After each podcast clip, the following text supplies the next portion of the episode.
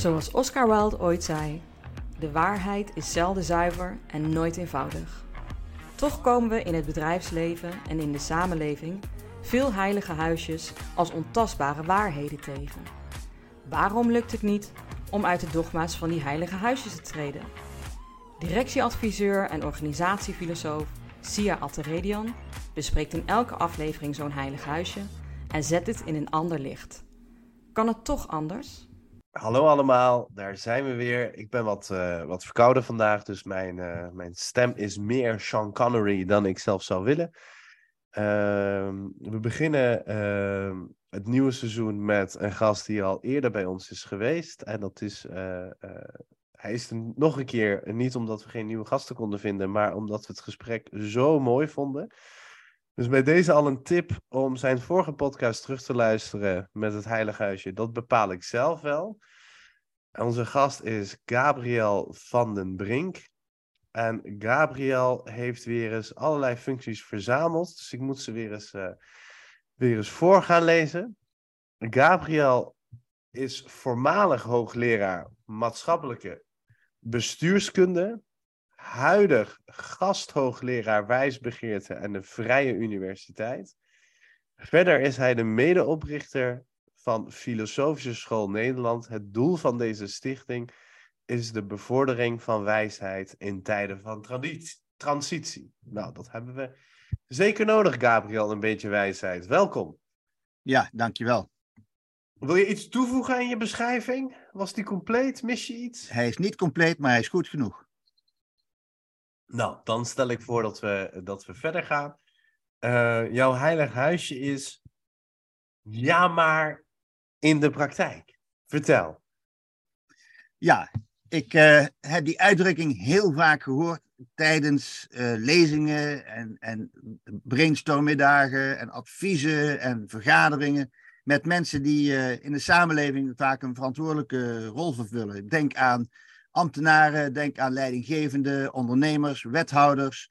Nou ja, mensen die dus uh, een belangrijk uh, praktisch vak hebben en die uh, zijn dan op cursus of die hebben dan een voordracht van mij gehoord en ik spreek daar dan filosofisch.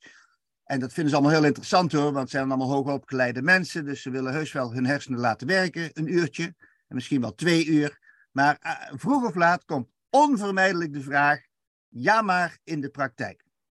En dat is altijd een heel interessant moment, want ik weet dat dat eraan komt, dus ik ben daar ook op voorbereid. maar het verrast me wel elke keer opnieuw weer dat mensen dat als een soort knop gebruiken. Dan, hè, dan staan hun hersenen eerst staan aan, dan denken ze na en dan discussiëren ze. Dan moeten ze soms wel eens eventjes zich bepaalde vragen stellen. En dan op dat moment gaat die knop de andere kant op en dan zeggen ze ja, allemaal mooi hoor, maar in de praktijk. En wat ze bedoelen is, ja, wat u daar allemaal zegt, wat kan ik daarmee? En daarachter ligt eigenlijk de vraag, ik kan er niet zoveel mee. En mijn vraag is dan weer, hoe komt dat eigenlijk? Als ik naar beste weten een interessante gedachte daarvoor heb gebracht en dan zeggen mensen, daar kan ik niks mee. Dat vind ik eigenlijk wel een uitdaging. Daar heb ik natuurlijk ook wel eens over nagedacht. Um, en daar kunnen we het misschien direct ook over hebben. Hoe komt het nou dat mensen die op een verantwoordelijke positie zitten en die allemaal bijna altijd wel een, serieuze studie hebben gevolgd en ook nog wel af en toe eens een boek lezen, dat dus echt mensen die hun hoofd gebruiken, die nadenken, dat die mensen in de praktijk vaak het gevoel hebben van machteloosheid. En dat ze eh, zich gevangen voelen in een systeem waar zij niet over gaan en wat hun een bepaalde kant uitdwingt die ze misschien niet willen maar ja, ze moeten nou eenmaal hun brood verdienen en ze moeten nou eenmaal hun werk doen, dus ze kunnen niet veel. Dus ze willen graag iets horen waarmee ze hun praktijk kunnen veranderen. En ze denken, en daar zit het misverstand, dat een andere manier van andere gedachten, andere ideeën, andere denkbeelden, andere vragen, dat dat niks met de praktijk te maken heeft. Nou, dat is een geweldige misvatting. Want mijn ervaring is, daar zal ik ook maar meteen uh, verklappen uh, uh, hoe het verhaal afloopt. Ehm, maar we gaan direct nog de diepte in. Dat denken van mensen, dat is helemaal niet zo onschuldig. Dus als jij A denkt, dan doe jij A. En als jij overgaat, je gaat, denkt niet langer A, maar je denkt bijvoorbeeld C of D of E, dan ga je vroeger of later ook D en E doen. Want al die mensen die op school zijn geweest, al die mensen die dag in dag uit hun hersenen gebruiken, dat is niet voor niks. Dus er is een hele innige relatie tussen hun denkbeelden en wat ze doen. Terwijl zij van zichzelf denken dat er een scheiding is tussen wat ze denken en wat ze doen. Nu even een grapje voor de filosofen onder ons. Even goed opletten, want daar heb je je IQ voor nodig. Als jij denkt dat het er niet toe doet wat je denkt, dan doet dat ertoe. Dat betekent dus, als je inderdaad gelooft dat jouw denken ja, theorie is en dat de praktijk iets heel anders is, ja, dan heb je inderdaad een scheiding van theorie en praktijk. Maar stel nou dat je iets anders denkt. Bijvoorbeeld, mijn denken doet ertoe. Dat doet er ook toe. In die zin, dan ga je anders handelen. En het kwam allebei door het denken. Zo is het.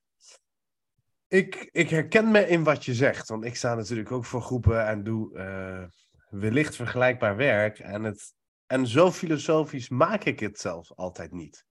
Dus heel bewust uh, hou ik het misschien zelfs nog een stuk dichter bij teamontwikkeling of uh, organisatieverandering. Maar dan komt die vraag ook altijd. En ik moet eerlijk bekennen, uh, nou, ik, ik kan twee antwoorden geven. Aan de ene kant irriteer ik me daar dood aan.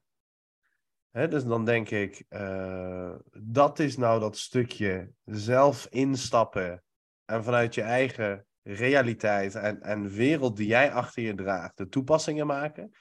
Want het is geen coaching. Hè? Er zitten meerdere mensen uh, in de groep. Of een teamontwikkeling zijn er vijf of zes directeuren. Als het een grote zaal is, is het een grote zaal. Dus ik kan niet bij iedereen in de belevingswereld gaan. Ik probeer wel wat voorbeelden te pakken. Maar dan komen we bij, bij het tweede antwoord. Het tweede antwoord is, ik zie dat als mijn, vanuit mijn rol, hè, dat zit meer op de organisatie filosofie, organisatie advies. Vooral als het over organisatie advies gaat of teamontwikkeling, zie ik het, is het tweede antwoord, is ja, het is mijn verantwoordelijkheid om dat in te richten. Voor ze, vanuit de rol die ik dan heb op, op die dag. En dus dat zijn, dat zijn direct twee reacties die bij mij uh, omhoog komen. Het is echt een thema waar ik me heel erg in herken. En, en vaak vragen mensen dan, ik had laatst een, een vergelijkbaar gesprek in, uh, in Utrecht. Uh, zonder waardeoordeel, maar dat is een hele, hele slimme jongen die dan voor zichzelf kijkt van wat heb ik hier aan. Vroeg hij van, ja, je doet wat filos met filosofie en wat doe je dan en wat heb je daar dan aan? En, en, en dan was mijn antwoord filosofie, voor mij dan in organisaties is waar niemand op zit te wachten, maar iedereen behoefte aan heeft. Of dat stukje denken. Want als je met mensen in gesprek gaat, en, en jij deed dat net al een beetje hoor, over die machteloosheid en het systeem en de vervreemding. Ja, dat zijn echt vraagstukken waar ze enorm, enorm, en ik ook hè, ik zit ook gewoon in die organisatie, enorm door opgevreten worden. Maar de stap naar, laten we even kijken, wat, hoe we het zien, hoe we het denken, uh, wat we voelen, maar waarom we dat voelen. En, en wat we denken dat, nou, voor de podcast begon, hadden we het al over. Wat is de norm? En waarom is dat de norm? En is dat een sociale constructie of is dat, zijn dat toevalligheden en kunnen we daarvan afwijken? Dus wat ik ongelooflijk jammer vind, en dan paas ik hem weer terug naar jou, is, uh, Gabriel, dat we het denken zo verwaarloosd hebben. Dus ik vind de vraag die ze stellen, vind ik een hele terechte. Dus als ik heel eerlijk ben, denk ik, ja, deze mensen gaan straks weg en die hebben al duizenden cursussen gevolgd. Ze, mo ze moeten ergens handwater hebben. Maar dat we denken dusdanig verwaarloosd hebben, dat wanneer je een verhaal op maat houdt, en dat geldt niet voor iedereen, dat een aantal mensen zijn die die interpretatie, even in termen van uh, Paul van Tongeren, die maakt onderscheid tussen weten en interpretatie en betekenisgeving, dat die interpretatie of een stukje betekenisgeving, dat, is, dat spieren zo ongetraind. En, en nu, nu loop ik misschien al, ben ik al te lang aan het woord, maar je zegt het zijn allemaal hoogopgeleide mensen, dat klopt. En je zegt dat ze, ze hebben allemaal een verantwoordelijke rol, dat klopt ook. En ik ben geen dag in mijn leven bestuurder geweest, wel adviseur op dat niveau, maar geen bestuurder. Maar ik merk ook dat die bestuurders carrière hebben gemaakt door doen. Door mouwen omhoog, in ongelooflijke complexe omstandigheden, en met allemaal verschillende belangen, gewoon resultaten boeken. En wanneer je merkt dat die resultaten nergens heen gaan, dus noem maar een, uh, toeslagenaffaire of bij de politie, wat is het? Ik weet even niet meer of het terrorismebestrijding was of, of uh, georganiseerd misdaad, dat ze zoveel ruzie met elkaar hebben dat ze hun werk niet meer doen. Ehm, ja, dan lopen ze tegen een muur aan. Ja, misschien toch eventjes het probleem ontrafelen, want je hebt heel veel naar voren gebracht en dat is wel relevant, maar het zijn, het zijn verschillende soorten dingen. Dat, dat wil ik even uit elkaar halen. Om te beginnen. Uh, voor een deel hebben wij het denken uitbesteed. Namelijk aan het systeem of de institutie waar wij in zitten, of de organisatie waar wij in zitten. Je stapt in een baan, je stapt in een functie. Nou, heel veel van wat er gedaan en gedacht moet worden, ligt eigenlijk al vast. Je hebt bepaalde taken, verantwoordelijkheden, je hebt een budget, je hebt regels, noem maar op. Dat is allemaal al geregeld en daar zitten natuurlijk allemaal gedachten achter, maar die, over die gedachten denk je niet meer na, want dat is je job. Dat is de institutie waar je werkt.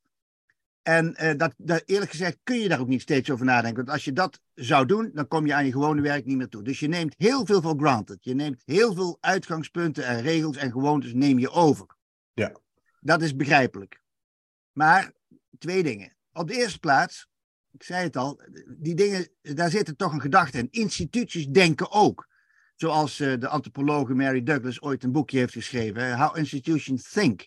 Dus achter elke manier om een organisatie in te richten zit een gedachte. En zeker als je dat allemaal heel gedetailleerd doet. En in Nederland doen we dat nou vrij gedetailleerd. Dit mag niet en dat mag wel en dit moet zus en dat moet zo. Daar zitten allemaal gedachten achter. Maar die gedachten worden dus niet expliciet gemaakt. Nou, zolang zo'n institutie goed marcheert, niks aan de hand natuurlijk. Dat zijn routines, iedereen heeft die nodig.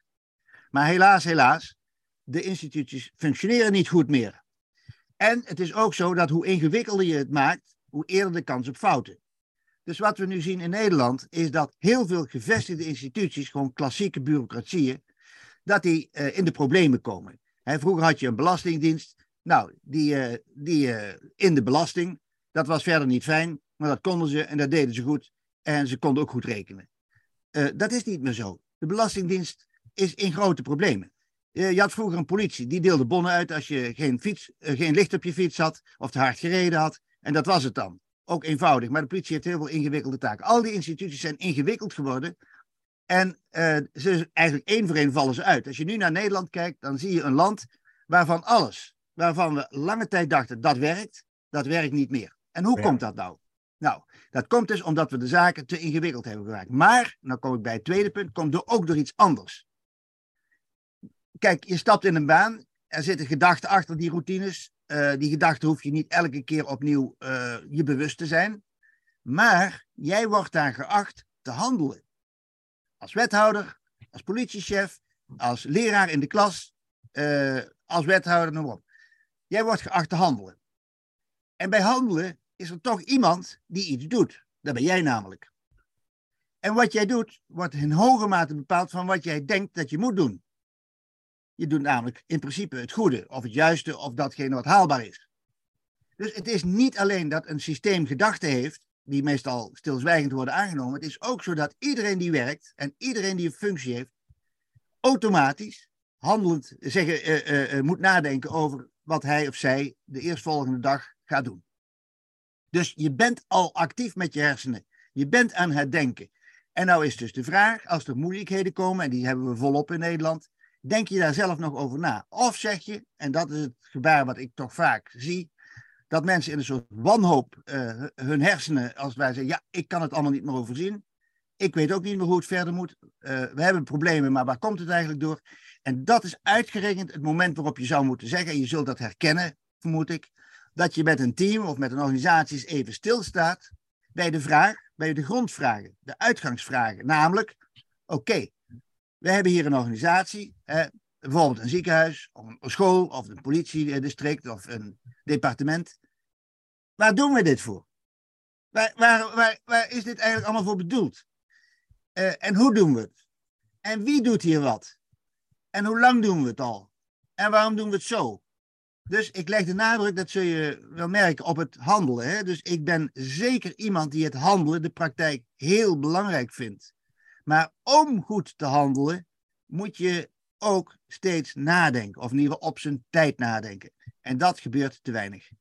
Waardevol, waardevol. Ik wil even op één ding inzoomen. En uh, kijk maar of jij het wat vindt. Maar wat mij raakt, doet mij dan denken aan uh, Jos Kessels, het poëtisch argument. Maar wat mij raakt, is dat uh, je zei ergens, ja, wat ze, wat ze denken dat ze moeten doen. En, en, en die herken ik enorm, want als ik met bestuurders zit van uh, overheidsorganisaties, semi-overheidsorganisaties, maar ook uh, in het maatschappelijk veld. En dat is niet volledig onterecht hoor. Ze zitten klem tussen wat het systeem vindt dat ze moeten doen. En dat wat, het systeem, wat ze zelf misschien ergens als persoon, en zonder dat dat gearticuleerd is, hè, zo, ergens vanuit hun eigen normen en waarden, wat ze zelf als persoon vinden dat ze moeten doen. Maar daartussen is ook wat ze denken dat ze moeten doen. Dus wat het soort van afgeleide van dat het systeem vindt dat ze moeten doen. Want ja, wij zijn een uitvoerende organisatie, of in mijn rol als wethouder, of in mijn uh, rol als politieagent op straat, of iemand in het beleid, of ga zo maar door zit er van tevoren een soort van ingeprent afgeleide van ja, ik in deze rol, met deze kleren, met die auto, met zo'n kantoor, hoor ik dit een beetje zo te doen. En een bestuurder heeft een keer aan mij uitgelegd, en dan deed hij, uh, uh, hoe zal ik dat verwoorden? Hij legde even aan mij uit hoe de wereld werkte. Dus er zat, er zat weinig gelijkwaardigheid in, maar ik was even gewoon ook geïnteresseerd in wat hij te melden had. Want nogmaals, ik ben geen bestuurder. Hij zei, ja, ik zit hier niet als mezelf, maar ik zit hier, als je zo achter mij kijkt, hè, zie je een soort van de schaduw. En dan, ik kreeg daar gelijk zo'n karikatuurachtige, uh, Looney Tunes tekenfilmachtige beeld bij, dat er van alles achterloopt. Ja, er zitten gewoon tien andere bestuurders. En ik kan niet opeens naar links of naar rechts. Uh, nou ja, we hebben beide fascinatie voor filosofie. De sociaal-historische context, die is er achter zo'n bestuurder. En die voelen ze blijkbaar. Ja, uh, opnieuw heb je een aantal dingen naar voren gebracht die, uh, die ik zeer herken. Uh, ook even ontrafelen. Je hebt een paar keer over rollen gesproken. Ik denk wel dat dat juist is. We hebben in de moderne organisaties toch een scheiding tussen de persoon en de professional. Dat heeft uiteraard te maken, want het is dezelfde figuur, maar uh, het, het handelen is verschillend. En ik denk dat het goed is om uh, inderdaad, de, in de klassieke bureaucratie, laten we het zo zeggen, was de persoon helemaal niet van belang. Dan moet je gewoon doen wat jouw functie je opdraagt. Hè? Dat heeft Weber keurig uitgelegd. Je, je bent agent en dan word je geacht op een bepaalde manier te handelen. Bijna als een soort automatisme. Jij ziet iemand door rood rijden of te hard rijden, dus krijgt hij of zij een bon. Punt. Daar denk je niet over na als persoon, want dat moet je gewoon doen. Dat behoort bij jouw functie. Ja. Uh, nou, dat is wel uh, gaan schuiven in die zin dat uh, dat soort automatisme, dat soort niet-nadenkendheid, dat, dat willen wij niet. We willen werknemers, we willen professionals, we willen bestuurders die zelf ook nadenken. En dat doen ze half als professional, maar ook wel een beetje als persoon. Dat kun je niet helemaal scheiden. Dus wat iemand bijvoorbeeld heeft meegemaakt in het leven, dat, dat werkt wel door in wat hij of zij, hoe die hij of zij denkt over zijn professionele optreden. Dat is wel van belang. Of bijvoorbeeld etnische achtergrond speelt ook altijd mee. Of geslacht speelt altijd mee. Of leeftijd speelt altijd mee. Of politieke voorkeur speelt altijd mee. In de praktijk loopt dat door elkaar. Maar is niet erg, zolang je erover zou kunnen nadenken. Uh, het punt is alleen, je wordt ook geacht na te denken. Zelfs het eenvoudige toepassen van een regel, een wetsregel, vergt nadenken. Dat, heeft, dat heb ik weer geleerd van een bevriende hoogleraar strafrecht, die mij uitlegt, zeg ik, neem nou artikel 1 van de grondwet. je mag niet discrimineren. Oké, dat vindt, is iedereen mee eens. Maar pas die regel maar eens toe. Dan zul je zien, zowel als burger, maar ook in je werk en zelfs een rechter, als die regel moet worden toegepast, moet je toch echt nadenken over de vraag dat uh, je mag niet discrimineren in, gelijk, in vergelijkbare gevallen.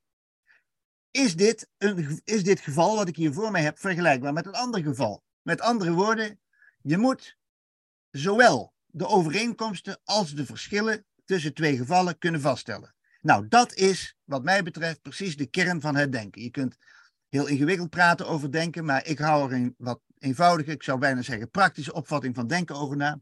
Namelijk, denken is het maken van vergelijkingen, het, het zoeken naar vergelijk, gelijkenissen en verschillen. je hebt A en B, wat zijn daar de gelijkenissen, wat zijn de verschillen? Dat is denken. Denken doet natuurlijk nog heel veel andere dingen, maar daar komt het in de basis op neer. Eigenlijk is dat het, het vinden van analogieën. Het is niet per se logisch denken, dat is meer als je de wiskunde ingaat of de logica, maar het gewone alledaagse denken berust op analogieën. Ik zie, ik zie A, dat doet mij denken aan B.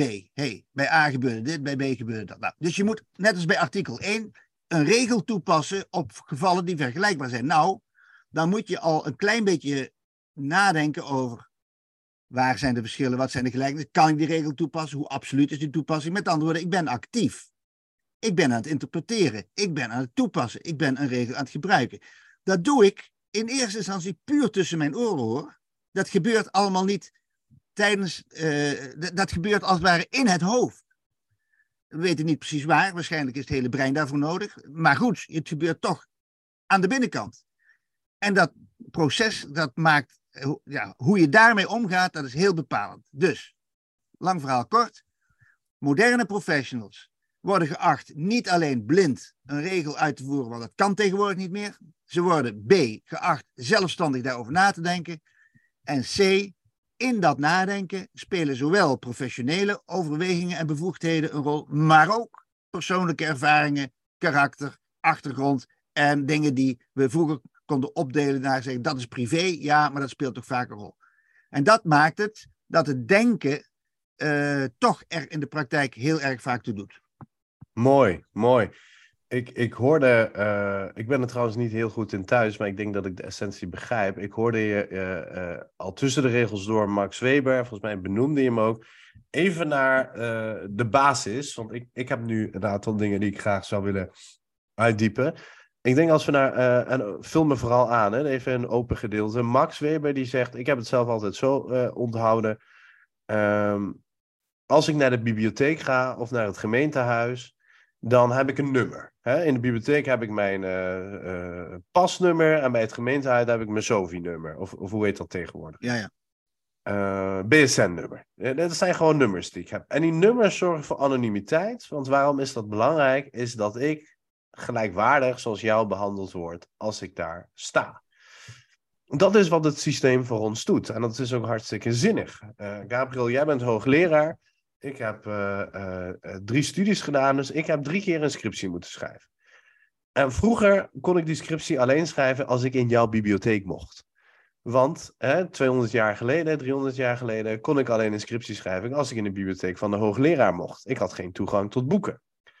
Laat nou zo zijn, ik ben niet van een Nederlandse adelfamilie, dus waarschijnlijk zou ik nooit in jouw bibliotheek komen dat ik nu dat studentenpas of de bibliotheekpas heb, zorgt ervoor dat ik, net als iedereen, toegang heb tot de bibliotheek. Dus, dankjewel, systeem. Dat zorgt ervoor dat we allemaal gelijkwaardig behandeld worden en dat we ook allemaal een plek hebben en dat het zo eerlijk mogelijk gebeurt.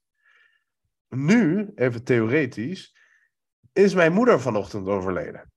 En ik kom bij de bibliotheek aan en ik zeg: Mag ik mijn boek morgen terugbrengen? Want mijn moeder is overleden. Of ik zeg: ehm, tegen het gemeentehuis van ik, uh, ik kom mijn paspoort wel een andere dag vernieuwen. Weinig ruimte, weinig menselijke maat. Ik weet niet of je die termen gehoord hebt in organisaties. Voor de luisteraar, ik zie Gabriel met een bijzonder glimlach uh, knikken. Ook een heilig huisje. Dus weinig menselijke, menselijke maat. Dus dat systeem is op een gegeven moment dusdanig ja, misschien nu niet meer, maar op een gegeven moment dusdanig goed gaan functioneren dat het systeem alles overheersend werd. En dat die rol daar aan het loket zelf niet meer na hoeft te denken. Hè? Nu is de cirkel rond. Ja. En jij zei, we hebben het denken uitbesteed aan het systeem. Dit is wat je denk ik bedoelde. Vraagteken. Nou, in, het, in de klassieke bureaucratie, waar inderdaad de bibliotheek een voorbeeld van is, en de sociale dienst trouwens ook, en heel veel andere, die hebben lange tijd gefunctioneerd naar het model van Weber. En daar is inderdaad een nummer en een functie. Dat is allemaal formeel. Dat heeft met jouw persoon niks te maken. En dat heeft lange tijd gefunctioneerd. Ik denk, laten we even grofweg, een eeuw. vanaf ja, en, en, niet zo'n beetje ook nog. Hè? Heel dus we zitten nu niet in die tijd. Maar vroeger was het dus als je... Uh, uh, nou, laat ik, laat ik een ander voorbeeld noemen, even om het ook te verdedigen. Want ik vind die heilige, functie, heilige huizen hebben een functie gehad. Um, en DSM 5, uh, dat is ook zo'n systeem. Ja. DSM-5, nou, je kent het DSM-5 ja. voor de luisteraar, is, is, is een boekje waar alle uh, uh, psychologische persoonlijkheidsproblemen, ziektes, et cetera, in zit. Voordat er zo'n systeem was, eh, kwamen mensen, voornamelijk vrouwen, willekeurig in, in, in, in gekkenhuizen terecht. Hè? Zo noem ik ze maar even, want zo werden ze ook behandeld. Ehm, en er was geen pijl op te trekken. De, meneer de professor, uh, psycholoog, die vond dat jij gewoon niet, niet in orde was. En er was complete willekeur. Dus om een dergelijk systeem te hebben en dat willekeur te voorkomen, heeft ons heel veel gebracht. Even opnemend voor het. Uh, ja hoor, maar daar heb ik helemaal geen moeite mee. Alleen, ik zou er dit aan willen toevoegen. De dingen hebben hun volgorde. Of zoals ik het wel eens wat chiquer zelf formuleer, uh, het gaat vaker om sedimentatie. Niet om dilemma's, maar om sedimentatie. Dat was, ik bedoel dit. In de geschiedenis heb je eerst een zekere willekeur. Jij geeft dat voorbeeld van de psychiatrische patiënt, maar je kunt dat aanvullen met veel andere, ook bij de rechter, ook bij de sociale dienst. Hè. Bijvoorbeeld, het, uh, mensen zijn arm. Nou, jou mag ik, jou krijg, jij krijgt een aalmoes. Jou mag ik niet, dus je krijgt niks. Dat is inderdaad, vroeger, praten we over de 19e eeuw en daarvoor, ja. is dat de gang van zaken Toen, in de loop van de 19e eeuw, en zeker in de 20e eeuw, is daar een tweede systeem bijgekomen, of eigenlijk voor in de plaats gekomen. Dat noemen we dus bureaucratie, of rechtsstaat. Dat is eigenlijk natuurlijk een wat chicere formulering, maar dat is ook vaak bureaucratisch. Namelijk, er zijn regels en iedereen is voor die regel, voor de wet gelijk. En je moet mensen als nummer behandelen. Nou ja, in ieder geval, je moet mensen behandelen zonder aanzien des persoons. En ook de professional moet zonder aanzien des persoons handelen. Dat is de tweede laag. Nou, die heeft ook gefunctioneerd tot in de jaren 60, pardon. Nou, toen, nou, nou, nou, kom, nou zitten we in de derde fase. En die derde fase schaft die vorige niet helemaal af, maar dat voegt er wel iets aan toe. En dan komen we op die menselijke maat. Het blijkt toch dat die regels en de systemen en die nummers, dat dat heel erg grootschalig en anoniem kan worden, waardoor mensen ook tussen de wielen van die machinerie, want het is eigenlijk een machinerie, in komen te vallen en, en in de knel komen. Dus we hebben het als machine georganiseerd. En je weet, een machine heeft geen gevoelens en een machine heeft ook geen moraal. En we zijn toch tot de ontdekking gekomen, en ik denk dat dat in de loop van de jaren 80, 90, vorige eeuw echt wel op grote schaal is gebeurd, dat het niet genoeg is om alleen als machine te functioneren. Dat er een aantal dingen zijn waar het menselijke oordeel en de menselijke gevoelens en ook het menselijke verstand en menselijke ervaring en misschien ook wel de persoonlijkheid van zowel de klant als de professional als de bestuurder een rol speelt. De vraag is natuurlijk hoe groot moet dat zijn? Akkoord, daar hebben we debat het moet niet te groot zijn, maar om te zeggen het speelt helemaal geen rol, dat kan niet meer. Dus waar we nu voor staan in de praktijk is dat er uh, een voortdurende afweging moet worden gemaakt tussen A, wat eist het systeem van mij, ook qua anonimiteit en rechtsgelijkheid aan de ene kant. En B, wat is nu de concrete situatie waarin ik als professional dat systeem moet toepassen? dat kan de medisch specialist zijn met een verwijzing naar de psychiatrie. Dat kan inderdaad de leerkracht zijn die iemand verwijst naar het VMBO of naar het VWO, het kan uh, de politieagent zijn die al dan niet een bekeuring uitdeelt enzovoort. En het kan ook de bibliothecaris die zijn, die zegt meneer het Redian, jammer dat uw moeder is overleden, daar heb ik niets mee te maken. U, uh, anders u krijgt gewoon een boete. Hè? Nou, volgens de regels mag hij dat, maar als zo iemand er zegt, dan denken wij bij onszelf, wat een klootzak. En terecht. Want zo ja, en, en, en zoals je heel mooi verwoordde, ik noem het systeem machine. Zo heeft Charlie Chaplin hier ook een hele mooie film ja. over gemaakt. Modern Times, hè, als ik het zo goed heb. Zo is het. Ja. En uh, het is immoreel wat ze doet, maar niet per se, en ik ben nu echt aan het twijfelen, niet per se ja, onrechtvaardig, illegaal. Ze mag het gewoon doen. Ja. Dus daardoor hebben we moraliteit ook uitbesteed. Ja, maar dat is, nou komen we op een, denk ik, een cruciaal punt. Namelijk, die bureaucratieën die waren heel erg juridisch regels, wetten, procedures. De moraal was daaruit. Of je kunt eigenlijk beter zeggen, de moraal was geïnvesteerd in het systeem. Het was wel een moreel systeem, maar het was zo ingericht dat je niet elke keer opnieuw de vraag, de morele vraag... Niet, niet voor individuen, maar wel voor het systeem. Ja. ja. Maar je hoefde daar niet moreel over na te denken. Je kon als het ware je verstand op nul zetten en je kon gewoon de regels volgen en dan kwam het ook moreel goed. Dat was het uitgangspunt van de klassieke bureaucratie en ook wel van de rechtsstaat en van de verzorgingsstaat, et cetera. Maar, eh, kijk, een kwartiertje geleden zeiden we, af en toe moet een organisatie toch de vraag stellen, waar doen we dit voor?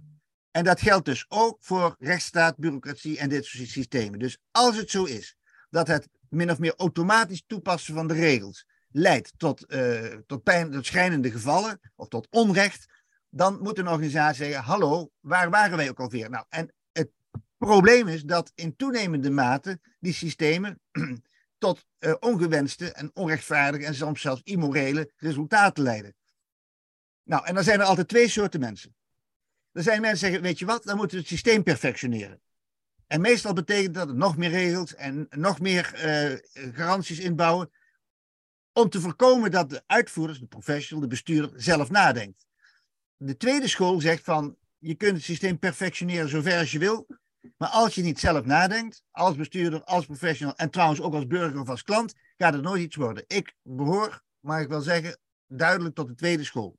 Dus ik vind dat je twee dingen moet hebben. Je moet hebben een systeem wat rechtvaardig is en wat klopt en wat geen onderscheid maakt naar de persoon. Er is echt iets goeds in de bureaucratie. Maar je moet het wel verstandig mee omgaan. En met iets verstandig omgaan, dat is eigenlijk als met elk instrument. Als ik een hamer heb, daar, daar, daar, sla ik een spijker mee in de muur om een schilderijtje op te hangen. Dat is goed. Maar ik ga hem niet gebruiken om jou de hoofd in te slaan of iets anders. Want dan gebruik ik die hamer verkeerd. Er is niks mis met die hamer. Maar ik kan hem wel verkeerd gebruiken. En dat geldt dus ook voor systemen. En er zijn altijd mensen, zelfs miljoenen mensen, die dag in dag uit die systemen gebruiken. Nou, en bij gebruik is altijd de vraag aan de orde: waartoe, met welk effect, voor wie wel en voor wie niet. En die afwegingen zijn aan de orde van de dag en daar is op een gegeven moment niet meer aan te ontkomen. Dus daarom moet je altijd zelf blijven nadenken over wat doe ik hier eigenlijk. Wat ik heel, eh, heel prettig vind, ik weet niet uh, of, jij, of jij dat ook ervaart. Jou, ik kan jouw gedachtenlijnen heel goed volgen. En dat is niet alleen omdat je het heel goed uitlegt, dat is ook omdat ik een vergelijkbaar gedachtenlijn heb. Dus ik heb aan het begin van de podcast opgeschreven toen je zei: Nu moet de bestuurder zelf nadenken. We zijn even Max Weber gaan ontleden. We hebben even laten zien dat dit allemaal over het denken gaat. Want het, het denken heeft het systeem bedacht en de inrichting daarvan. En uh, dus het, het, komt allemaal van het denken, maar het is hartstikke praktisch. En dan kom ik nu bij het punt wat ik aan het begin, een vraag die ik aan het begin wilde stellen, of een punt die ik wil maken. Die bestuurder moet opeens zelf nadenken. Dat is wat ik eraan toevoeg, hè? dat opeens. En dat is wat ik in organisaties zie, is dat ze heel lang carrière hebben gemaakt, successen hebben geboekt, resultaten hebben behaald, zet ieder gedragsmodel ernaast, is dat een beloning voor wat ze deden. Of je nou met honden traint of van verslavingen af wilt komen, die habit loops en die beloningen die doen ertoe. Ze zijn heel lang beloond voor het niet nadenken, voor het toepassen van dat systeem. Want zoals we beide zeiden, de menselijke maat is uitbesteed aan het systeem. Het is in het systeem gecorporeerd. De moraliteit in het systeem. Het denken uitbesteed aan het systeem. Het kon ook niet anders. Het heeft ook heel veel waarde gehad. Het heeft ons echt ver gebracht. En opeens vragen wij die bestuurder. Nu moet je zelfstandig nadenken. Terwijl het zijn niet de mensen. Die mensen hebben we wel, kunnen we het ook over hebben. Maar het zijn over het algemeen niet de mensen geweest. die in hun opleiding ingenieur, advocatuur, fiscalist. Dat er een beroep gedaan is op het denken. Het zijn mensen die jarenlang opgevoed zijn, laat ik het zo zeggen, vanuit het systeem. Vanuit de bureaucratie. Ik heb ook een meester in het recht. Ik weet precies hoe dat werkt. Je kijkt in dat boek. Er staat in hoofdstuk 3 dit, in hoofdstuk 5 dat, Junto hoofdstuk 6. Klaar, dat zegt het systeem.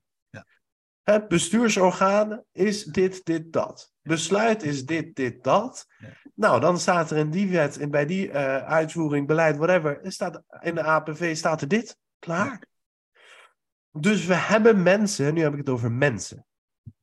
We hebben mensen die terecht in die tijd met een ongelooflijk vertrouwen in het systeem zijn opgevoed en opgeleid.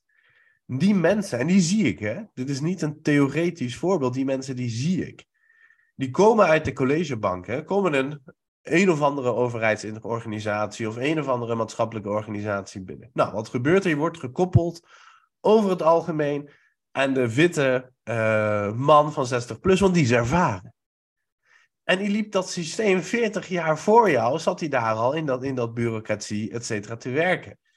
Dus die neemt jou onder zijn hoede en die, die legt jou uit van nee, je hoort het volgens het systeem te doen. Hè? Zo was je ook opgeleid, dus niet veel geks.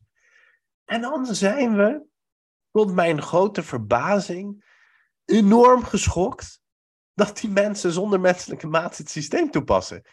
Dan denk ik van, ja, je kan ook niet op de een of andere dag de slavernij afschaffen. Dat is het, voor mij voelt het, dat is natuurlijk verschrikkelijk, de slavernij. Dat is natuurlijk onmenselijk wat er gedaan is. En ik kan het niet meer eens zijn met hoe kwaadaardig dat systeem is.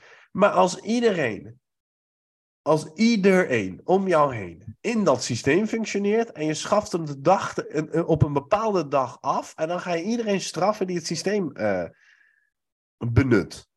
Deze mensen zijn niet getraind in het zelfstandig nadenken. Deze mensen zijn niet getraind in het denken tegen het systeem. En zelfs als ze dat zijn, durven ze daarin niet te handelen. Want het systeem is natuurlijk hun hele leven de rechtvaardiging geweest van het professioneel handelen. Ja, ik vind het heel sympathiek dat je het zo opneemt voor mensen die uh, ja, ook maar in hun leven doen wat hun geleerd is en volgens het systeem moeten handelen. Dus dat, dat vind ik sympathiek, maar ik ben het er toch niet mee eens. Want um, laat ik het even zo aanvliegen. Kijk, je hebt helemaal gelijk. Mensen, uh, mensen waar we nu over praten, hè, dus uh, mensen op verantwoordelijk hebben bijna altijd een studie gevolgd. En dat kan een technische studie zijn, maar het kan ook economie zijn, sociologie, psychologie, you name it. En wat doet zo'n studie nou met je? Nou, die traint je al hè, in een bepaalde kijk op de zaak. een econoom kijkt anders naar het leven dan een jurist. En die kijkt weer anders dan een psycholoog. En die kijkt weer anders dan een bioloog. weer anders dan een historicus. Dat zijn allemaal verschillende disciplines. Het woord discipline wordt niet voor niks gebruikt. Een discipline is een manier van denken en onderzoeken en kijken. die inderdaad heel veel uitslaat. Niet, niet om te pochen, uh, Gabriel. Dus ik hoop ook echt niet dat het zo overkomt. Maar vanuit mijn menselijke ervaring ik heb drie keer moeten wisselen. Dus ik zat eerst bij rechten, dan bij economie, dan bij filosofie. Dus ik, ik ken bijna het gehersenspoel. Wat je nee, daar... maar dat is alleen maar een goede ervaring, omdat je dan ook ziet wat zo'n tunnel, want dat is wat een discipline, wat zo'n tunnel met je doet. Ja. Dus dat is mooi, maar je zou meer mensen die ervaring toewensen. He, dat, dat, dat, dus, dat je dus niet uit één tunnel komt en dan vervolgens denkt dat het hele leven volgens die tunnel verloopt dus een, een econoom heeft natuurlijk een bepaalde manier van denken ontwikkeld. En als hij of zij later beroepshalve dat toepast, dan wordt dat in beginsel ook versterkt. Daar heb je helemaal gelijk in. En dan is het ongelooflijk moeilijk om, als er een crisis is, daaruit te stappen. Dat snappen we allemaal. Maar twee dingen. Op de eerste plaats is het leven zelf natuurlijk niet volgens disciplines georganiseerd. In het echte leven, ik bedoel gewoon jou en mij als levende mensen, loopt alles door elkaar. De ene moment heb je honger en ja, dan is de biologie aan zet. Of de medische. Hè, de volgende keer heb je, uh, moet je je belasting betalen. Dan is, uh, is het geld aan zet. Uh, de derde keer heb je. ja, weet Al die disciplines lopen door elkaar. En, en je moet dus ook eigenlijk verschillende talen spreken, zal ik maar zeggen. Om in het leven een beetje een mooi verhaal te kunnen vertellen. Als je maar één taal spreekt, dan praat je over alles puur economisch. Of je ziet alles puur juridisch. Of je ziet alles puur nou ja, fysiek kan ook. Hè? Dat is de arm. Het leven is rijker en verdient meerdere talen, meerdere disciplines. Dat is in het algemeen al zo. Maar nu het punt waar we het eigenlijk over hebben, namelijk die mensen die inderdaad een, een verantwoordelijke functie vervullen. Je zegt terecht, ze worden ouder en meer ervaren en, en dus ook misschien wel beter in het toepassen van wat ze geleerd hebben. Uh, met andere woorden, die tunnel die wordt nog wat verder verfijnd. En ze nemen ook jonge mensen mee en zeggen: Sorry, vriend, jij, hebt het verkeerde spoor, je moet deze tunnel hebben. Dat kan helemaal zo zijn. Maar ik zou wensen, en dat zie je toch ook wel eens in de praktijk, dat mensen in het leven ook iets anders leren. Namelijk die breedte, dat ze dus ervaringen opdoen die niet passen in die tunnels die ze al hadden. Of die uh, wat ruimte vragen, ook in moreel opzicht. Dus dat ze bij zichzelf vaststellen dat ze iets doen of iets denken waarvan ze eigenlijk vinden, ja, dat is toch niet helemaal in de haak, of dat loopt niet lekker, of dit mislukt, of eigenlijk is dit gewoon A is beter dan C. Dus, en dus wat wijzer worden in het leven, naarmate je ook meer ervaring opdoet, wat wijzer worden en dus wat breder worden en een beetje uit die tunnel kijken en ook andere, de zin van andere tunnels zien, dat zou toch ook wel wenselijk zijn. En nou is het aardig dat veel mensen die ervaring hebben, dat eigenlijk ook wel weten. Alleen daar doen ze niks mee. En dat is een geweldig gemiste kans. En wij merken ook bij de, bijvoorbeeld bij de filosofische school, dat mensen die naar zo'n cursus komen, die zijn eigenlijk al bereid om hun hoofd en blik te openen. Want die weten wel dat die ene tunnel waar ze elke dag in zitten, ja, is verder prima, maar dat is het hele leven niet. Er is meer te beleven in het leven. En, en die zijn bereid om, om zich te openen. En dan komen ze wel aan het eind van, ja, maar in de praktijk. En dan willen ze toch weer dit terugvertaald naar de handvatten in die tunnel. Nou, dat snap ik allemaal best. Maar ze zijn wel gevoelig voor de gedachte dat er meer in het leven is dan die ene tunnel. Zeker. Zeker. En, en, ik denk dat we het meer met elkaar eens zijn dan, uh, dan je misschien in de eerste instantie dacht. Kijk, mijn hele professionele bestaansrecht. Dan formuleer ik het misschien cryptisch. Mijn bestaansrecht als professional is om die mensen te verleiden voor die andere ervaring. Dus dat is de enige bestaansrecht die ik voor mijn rol zie. Als ik dat niet kan doen, dan moet ik. Dat is al heel wat hoor. Nee, nee, ik zeg ook niet dat het altijd lukt. Hè? Maar als ik dat niet kan doen, dan moet ik naar huis. Ja. Dus, en, en uh, even misschien iets van mijn hart. Uh, en misschien moet ik daar een volledige episode aan, aan wijden. Ik word echt. Nou, ik zal het netjes formuleren. Ik word heel moe van adviseurs die dat niet doen. Die, die gewoon een beetje meepraten. En weet je, dan hebben ze het over empathie als het de opdrachtgever goed uitkomt, maar de burger niet. En de burger die is nou niet de betalende opdrachtgever, dus die delft het onderspit. En dan, en dan praat je wat met ze en dan hoor je ook dat ze uit een... De partner is, uh, is onderaannemer en, en, heel ondernemend. Of ze komen uit een ondernemend gezin. Dan denk ik, dat is gewoon meer ondernemen dan uh, vanuit verantwoordelijkheid en moraliteit je functie uitoefenen. Voor waar je bent aangesteld. Dus jij noemt dat, hè, waarom doen we dit, et cetera. Ik, voor mij is het de opgave. Dus als ik ja, binnenkom, ja. we doen vergelijkbare dingen. Dus als ik binnenkom, vraag ik, wat is de opgave? Ja. Maar dan gaat het mij helemaal niet om om dat term te laten vallen. Maar dat is, dat is, ik denk, wat is hier de opgave? Wat is hier het waarom? En vanuit die waarom moeten we gaan handelen. Dus ik heb het vaak over een onstaansrecht van iets. Hè? Dus als we kijken naar het onstaansrecht van, ik zeg maar wat, politie dan is het onstaansrecht van de politie is om veiligheid te brengen. Ja. Om burgers te beschermen tegen kwaadaardige mensen. Ik zeg maar wat. Hier. Ja. Maar het bestaansrecht van de politie, dan wordt iets complexer. Want ja, dan moet je ook budgetten kunnen rechtvaardigen. Dan moet je ook Excel-sheets kunnen. Dat is het voortbestaan. Mijn enige professionele onstaansrecht is, is om die mensen te verleiden in andere perspectieven waar het systeem individuen geweld aandoet de empathie die je mij zo, zo lief toeschrijft, die komt dus ook voort omdat ik weet wat die tunnelvisie doet. Ik heb het geluk gehad uh, dat ik verschillende uh, perspectieven heb mogen ervaren in de studies en in het werk. Maar dat wil niet zeggen. En het dat... leven wellicht? Ja, dat denk ik ook. Dat denk ik ook. Uh, mag je me iets over vragen en ik zal antwoord geven. Maar even om het verhaal af te maken. De empathie pleit die bestuurders niet vrij van dat het nu echt anders moet.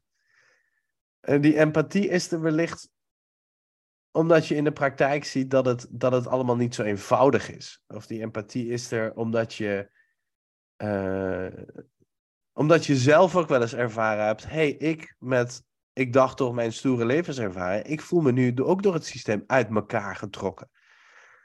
Dus daarvoor is die empathie er. Het is niet om het goed te praten, want het enige wat ik doe is om, om binnen te komen om dat te veranderen. Dus dat wilde ik even, even benoemd hebben. En dan noemde je nog even de, de filosofische school. Uh, ik kan het iedereen aanraden om daarheen te gaan. Uh, of naar het ISVW of, of naar dit soort vergelijkbare opleidingen. En, en je weet hoe erg ik van onze gesprekken geniet. Maar er is een verschil. Dat is een open inschrijving. Dus zoals jij dat zelf aangaf, die mensen zijn bereid om daarheen te komen en hierover na te denken. Ik tref mensen aan die er helemaal niet op zitten te wachten.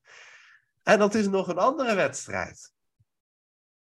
En dan heb je die empathie hard nodig om zelf ja. niet uh, heel boos uh, voor de groep te staan. En uh, wat ik merk is dat het systeem, of de bureaucratie, het is ook maar hoe we het noemen, organisatiecultuur, die draait een bepaalde kant op. En, en ik ben heel visueel en we doen het nu niet visueel, maar als je de machine draait, al die wielers en al die kokers, het draait allemaal. Het draait een bepaalde kant op. Of het nou omhoog, omlaag. Hè? Kijk maar hoe je de wc doorspoelt. Het draait een bepaalde kant op of een tornado. Dit systeem, dit machine, niet hoe Weber het bedoelde of hoe Marx de kritiek op had, maar gewoon hoe het nu draait. En het geldt zeker niet voor iedereen. En al helemaal niet voor die mensen die dag in dag uit hun stinkende best doen. Om het systeem rechtvaardiger en menselijker te laten zijn. Die mensen kosten dubbel zoveel energie. Dus een shout-out naar die mensen. Blijf je vooral inzetten. Maar het machine heeft een neiging tot de survival of the shittest.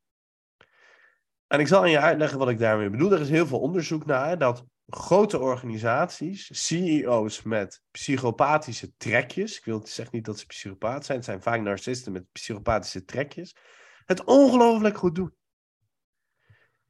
En zo is het, het is niet anders in de andere organisaties of systemen of verenigingen of stichtingen. Het machine is nu zo gemaakt om de survival of the shit te aan te moedigen. Dus als ik het heb over het zijn niet de bestuurders. Het, weet je, ze moeten nu zelf nadenken. Alleen dat hebben ze heel lang niet gedaan. Dan boksen we wel op tegen iets complex, wat een enorme historie heeft en een machine heeft dat een bepaalde kant op draait.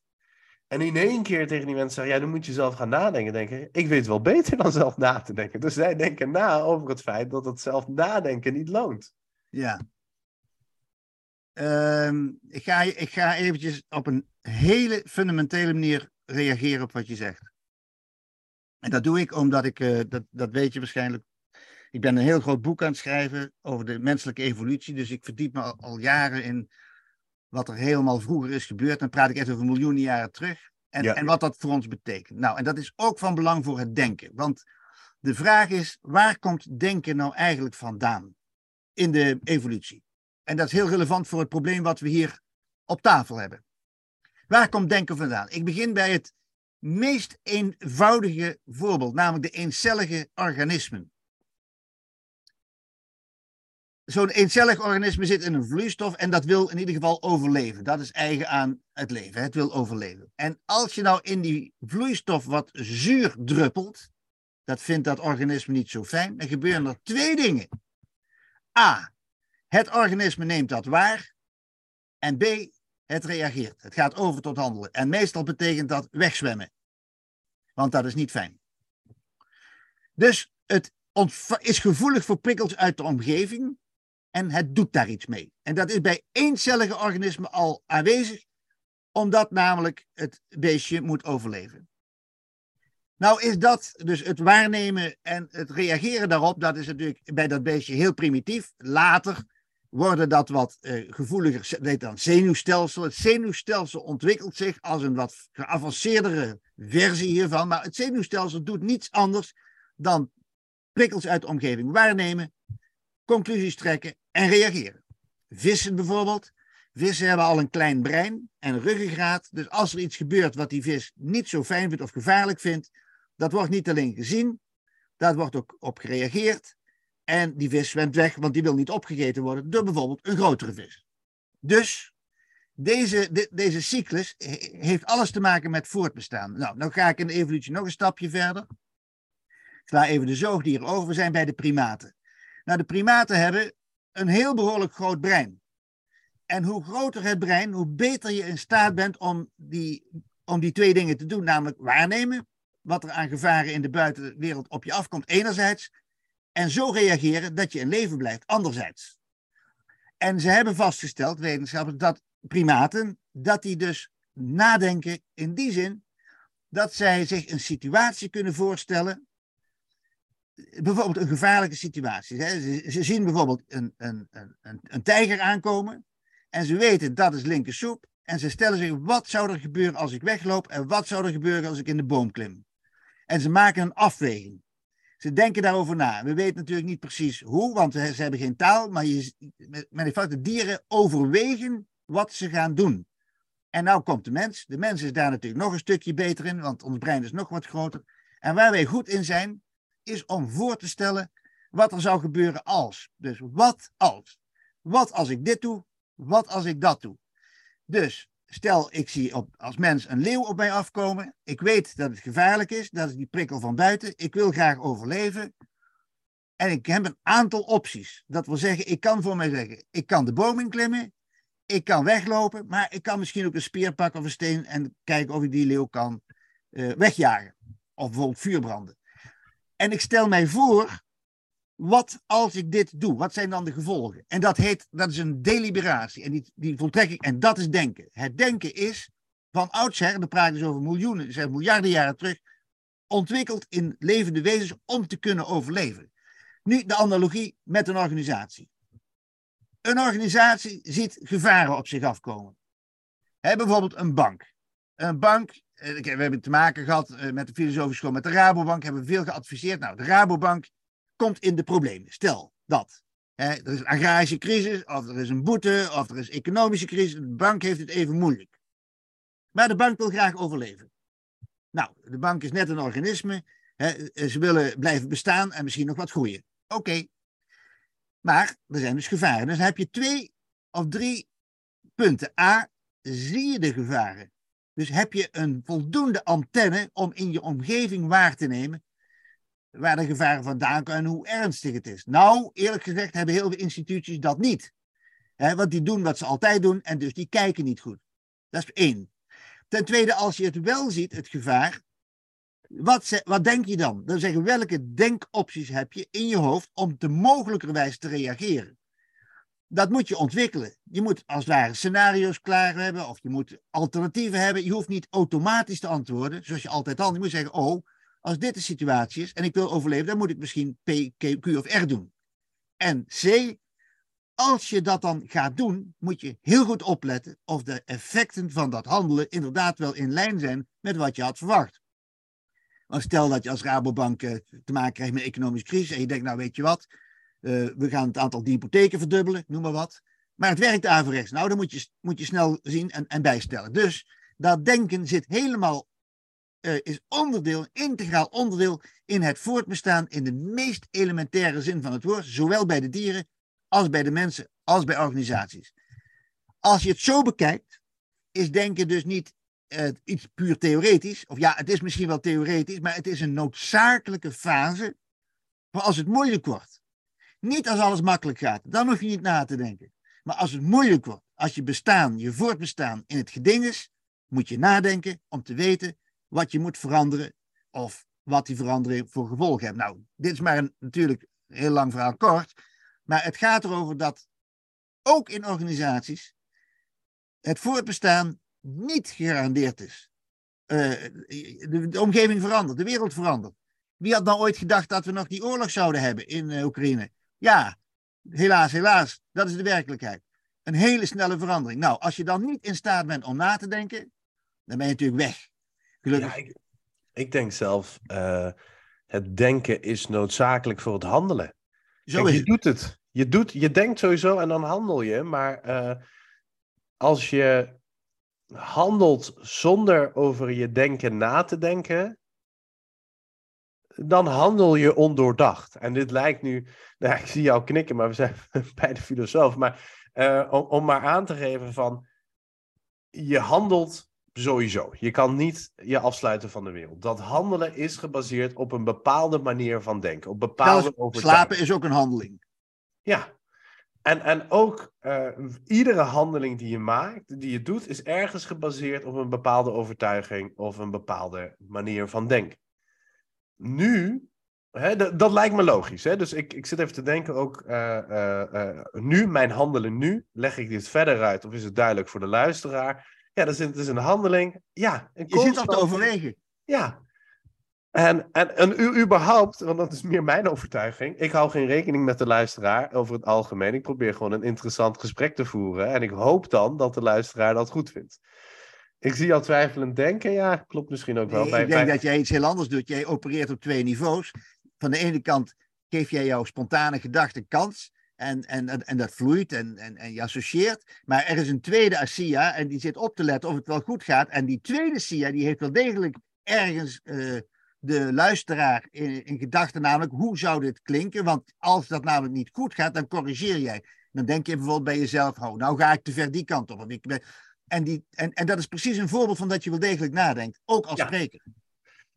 Helemaal mee eens. En, en eh, ik moet eerlijk ook bekennen, dat gaat in dit gesprek. Die tweede SIA doet het in dit gesprek beter dan sommige andere gesprekken. Van die tweede ja, is wel eens ook vergeten. En die, die heeft gewoon zelf als gast meegedaan. Uh, en, en daar leer je ook van.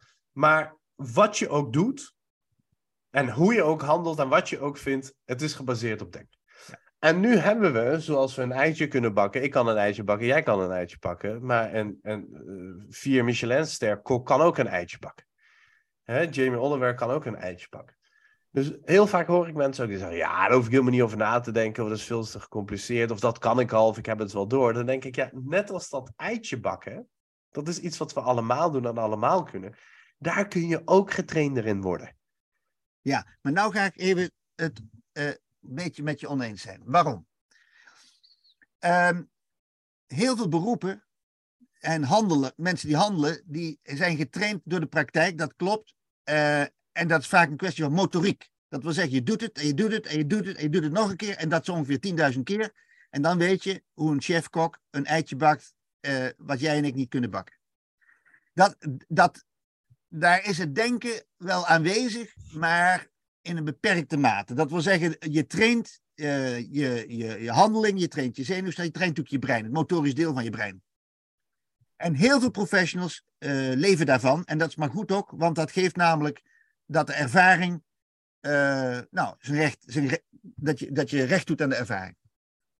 Het denken is toch iets anders. Namelijk dat je bij elk van die stappen die je doet, uh, de vraag stelt, ja, waarom doe ik deze stappen? En als je te veel nadenkt, kom je niet meer handelen toe. Dus er is wel een spanning, vind ik, tussen geautomatiseerd handelen en nadenken. Bijvoorbeeld een, een muzikus, uh, die, die, die, die geleerd heeft om een bepaalde toon te vormen.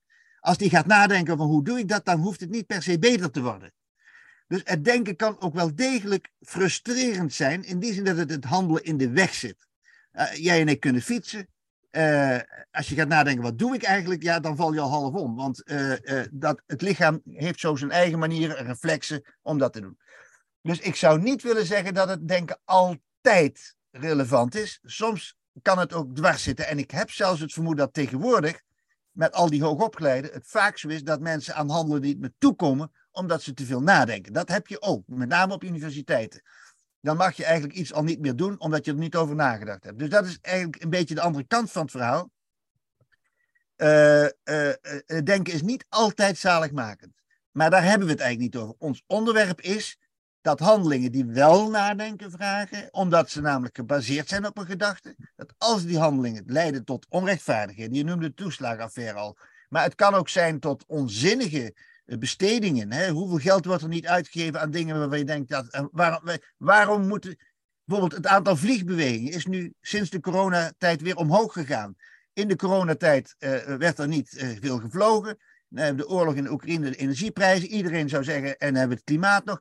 Vliegen is wat minder. Nee hoor, huppakee. Dan gaan die, ik krijg elke keer op mijn mail krijg van de vliegwinkel reclame binnen of ik niet binnenkort naar Barcelona moet voor 25 euro. Nee, ik hoef niet, maar toch gaan zij fijn door. Dus er zijn heel veel handelingen waar niet over nagedacht wordt. Ik snap ook heel goed waarom, want zij moeten ook hun geld verdienen. Maar collectief is het onzin.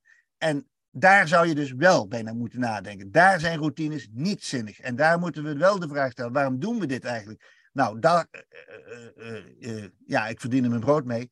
Dus ik pleit natuurlijk voor het nadenken. Maar ik denk ook dat het geheel enorm zou verbeteren als we dat wat beter deden. Je was iets te snel. Dat was niet de kant waar ik uh, op wilde gaan. Maar desalniettemin was het een, was het een heel, uh, heel interessant uh, verhaal. voor, voor jouw gevoel, ik ben, ik ben, ik zou zeggen dat ik fenomenoloog ben. Dus ik ben helemaal niet zo van het denken, maar ik ben meer voor de menselijke ervaring. Um, het brengt me op een idee. Nou, dan moeten we even kijken. En dit is een dualisme waar ik iets uh, uh, gemakkelijker bij voel dan jij. Maar ik vind het wel leuk om hem in te brengen. Zul je even geduld met me moeten hebben, want dan moet ik even iets, iets uitleggen. Ik heb het gevoel dat uh, als we. Uh, even samenvattend, hè? we begonnen met de ja maar. Ja maar in de praktijk. We hebben uiteengezet en nu nog helderder en nog een keer dat dat denken eigenlijk voor het handelen gaat. In ieder geval in de meeste gevallen een essentiële exercitie is. Ook als je kijkt naar hoe we onze organisatie, de samenleving, de rechtsstaat en onze samenwerkingen hebben ingericht. Dus daar moeten we over nadenken als we in die transitie het anders willen doen. Als het routinematig is niet, maar in die, in die moeilijke tijden, in tijden van crisis of transitie, is dat essentieel. Want hoe kunnen we dan anders handelen als we daar niet over nadenken? Dus dat is een onderbelicht onderdeel. Vervolgens hebben we het over het systeem gehad, uh, een beetje gebaseerd of voornamelijk gebaseerd op het werk van Max Weber. Waarbij we zeiden van ja, maar dat systeem heeft eigenlijk heel veel uit handen genomen, zodat wij als samenleving maatschappij kunnen functioneren. Hè? Dat systeem heet nu akelig bureaucratie, maar dat heeft eigenlijk heel lang, voor 100 jaar, ervoor gezorgd dat we uh, ja, een rechtvaardige samenleving kunnen zijn, hè? om willekeur te voorkomen, et cetera. Maar wat we ook gedaan hebben, is dat we in dat systeem of aan dat systeem het denken, uh, de moraliteit, de menselijke maat hebben uitbesteed aan dat systeem, zodat het individu niet zomaar willekeurig kan gaan handelen. Want dat doet hij de ander heel veel geweld mee. Uh, voorbeelden zat van rechters, et cetera. Uh, en er wordt nu aan de bestuurder gevraagd: oké, dat systeem is er. En we zijn denk ik allebei van de tweede school. Dat systeem kun je oneindig blijven verbeteren. Maar uiteindelijk ja, is het toch een mensenbesluit, hè? En dat zou misschien ook het probleem met artificiële intelligentie kunnen zijn. Dat mensenbesluit hebben we tot nu toe niet kunnen uitbesteden aan een systeem, wat voor systeem dan ook. Die bestuurder moet dus nu zelf nadenken. En dan kun je empathie mee hebben of geen empathie mee hebben, maar die bestuurder moet nu nadenken omdat het systeem gewelddadig is geworden. En in die transitie zitten we. En als de bestuurder eh, na moet gaan denken, belangrijker nog, moet gaan handelen, nou, dan is het belangrijk om dat denken en dat handelen ook goed te trainen. En daar, daar verdien jij je, je brood mee. En als het mag, en ik kwam een beetje spontaan op dit idee, als het mag, zou ik daar een denkgereedschap voor willen voorstellen. Waar we het dan uh, samen over kunnen hebben. Maar ik, ik, het is een oprechte vraag, dus ik zie je... Ga je gang, we zien wel. Het doet mij denken, en het is iets ouder van Max Weber, het doet mij denken aan een discussie tussen Pascal en Descartes.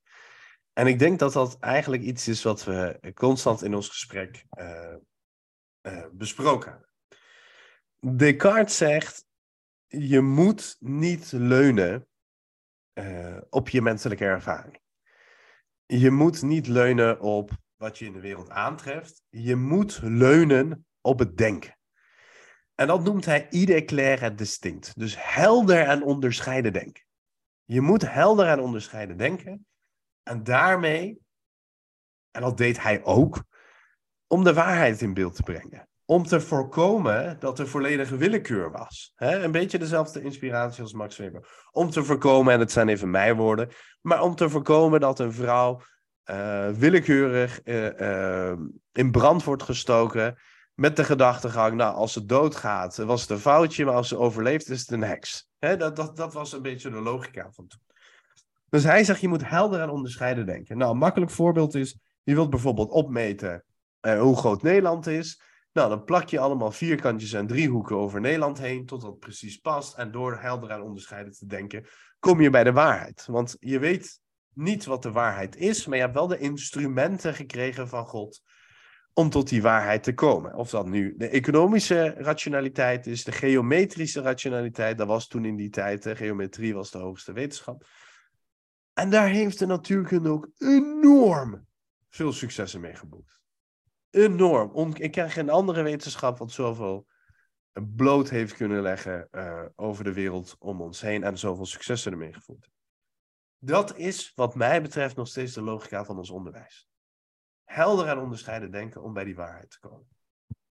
Ik ga daar Pascal tegenover zetten, want ik denk dat dat ons kan helpen. Pascal zegt: pakt eigenlijk het model van Descartes, maar die zet hem op zijn kop. Pascal zegt, het gaat eigenlijk, en ik weet niet, het gaat eigenlijk om, om geesten. Dus je hebt een, een, een geest van de geometrie. Je hebt een geest van de logica. Je hebt de l'esprit geometrie. En dat wil zeggen, dat is een geest dat nadenkt over problemen die inderdaad zo op te lossen zijn. Die nadenkt over, ja, weet je, hoeveel moeten aan verzekering betalen? Want ja, weet je, eh, een weduweverzekering of een andere soort verzekering, dat kun je met helder en onderscheiden. Met de wiskunde kun je dat uitrekenen. Maar dan, je krijgt een uh, idiote rationaliteit als je dat geometrische denken, als je dat logische denken, als je dat wiskundige denken, economische denken, geometrische denken, hoe je het ook maar wil noemen, op complex, in mijn woorden, op complexe problemen gaat toepassen, die niet te vangen zijn voor dat denken. Daar is eerder een l'esprit finet voor nodig. Daar is eerder een fijne geest voor nodig. Jij zei eerder, ik bedoel niet dat logische denken. Nee, ik heb het over analogieën. Dat is gewoon een ander soort denken. Daar is een fijne geest voor nodig. En, en, dit zijn even. Um, dit gedachtegang is, is door uh, Breurs, volgens mij Ronald Breurs in, aan KU Leuven, uh, goed uiteengezet. Die eigenlijk de directe lineage, dus van uh, professor naar leerling van Descartes heeft gevolgd. En, en ook goed is in de Franse, goed thuis in de Franse filosofie vanaf nu ga ik er zelf iets aan toevoegen.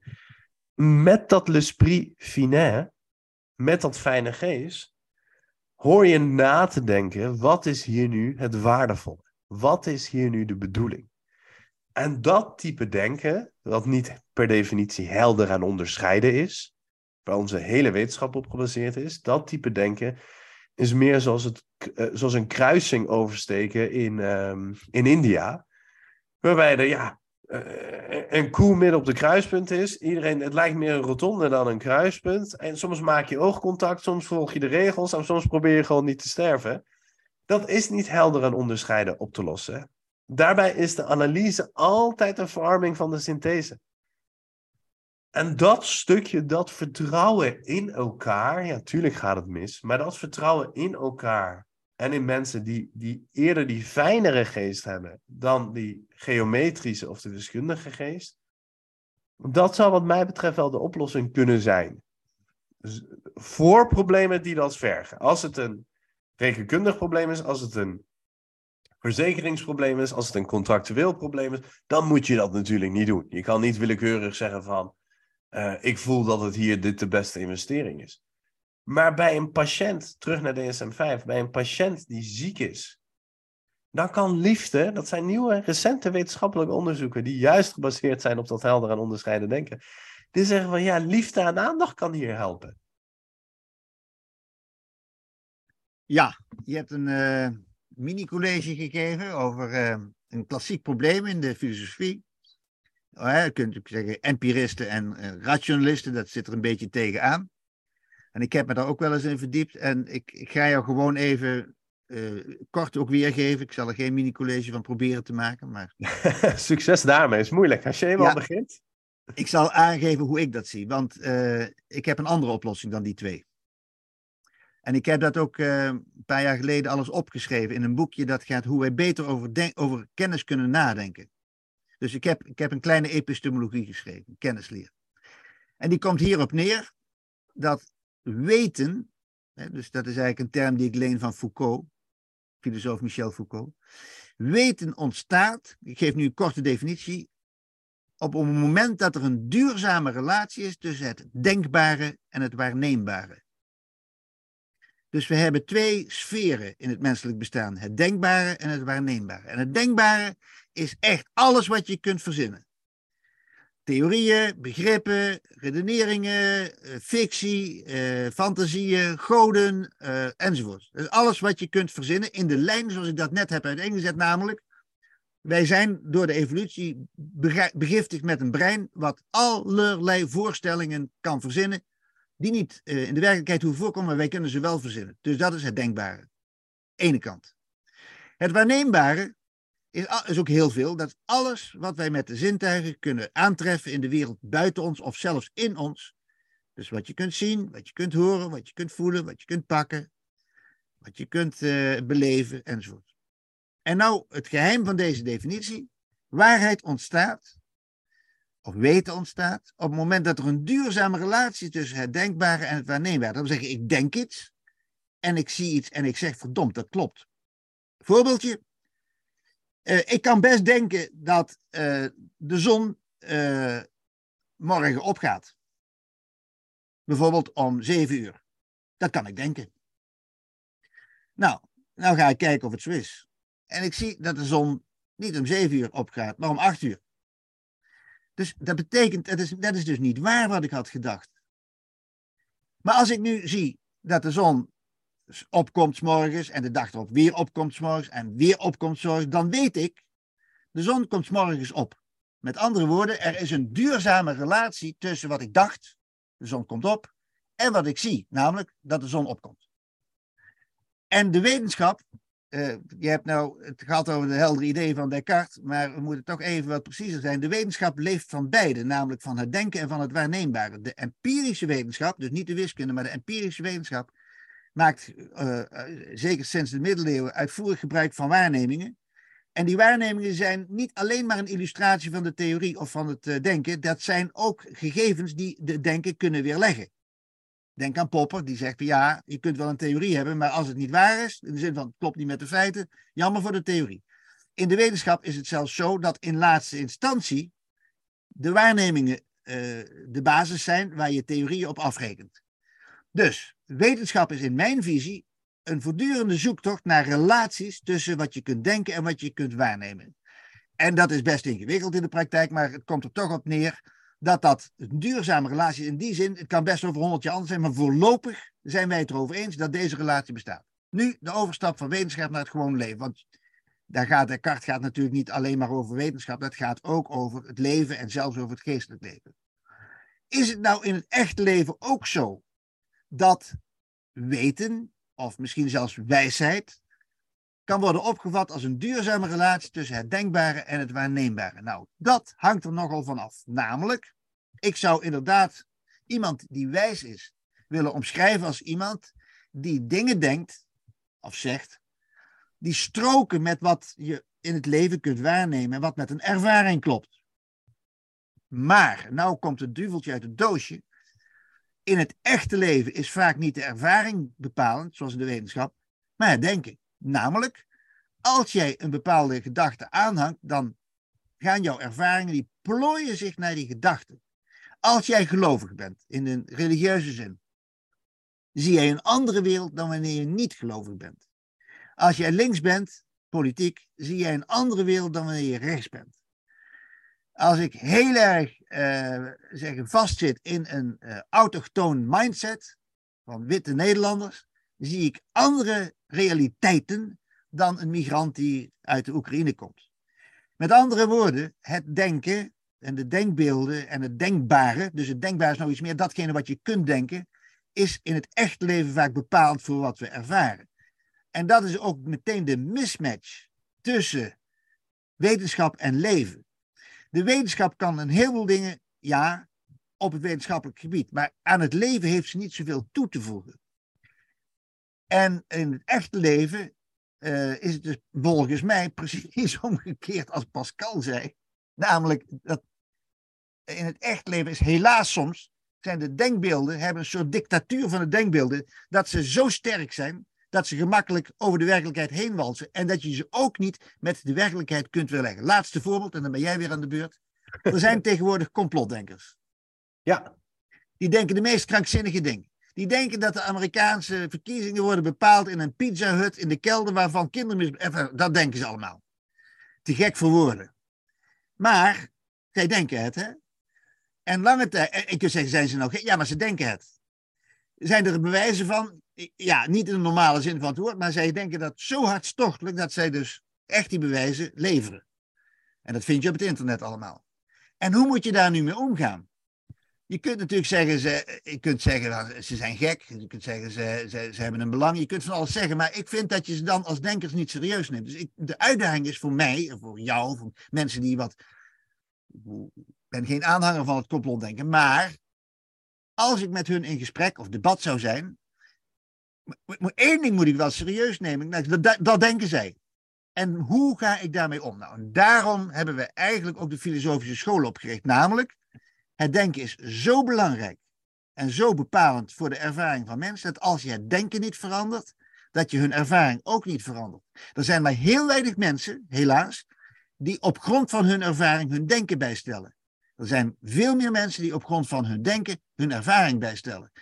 En dat is in het echte leven de, de, de grote uitdaging. In de wetenschap is het omgekeerd, maar in het echte leven is het denken veel, heeft veel meer impact op je ervaring dan je eigenlijk vermoedt. Mooi, mooi.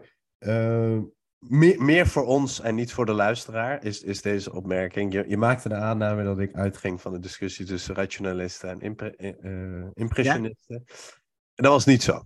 Dus uh, er, zit, er zit een kleine nuance in, maar dat is niet de discussie waar ik op doelde. Of deductie of empirisme, maar dat, was, dat is meer voor ons dan, uh, dan, dan voor de luisteraar. Maar ik vind, het, ik vind het wel heel mooi. En als we het terugbrengen naar die organisatie, dus even weer die, die concreetheid erin, dan ik, ik, ik, ik zie er een aantal dingen in terug waar, je het had over. Je begon al met een eencellig organisme, gevoelig voor prikkels uit de omgeving. En dat is precies wat ik ook nog steeds merk in de organisatie. Het is zo, we zijn sociale dieren.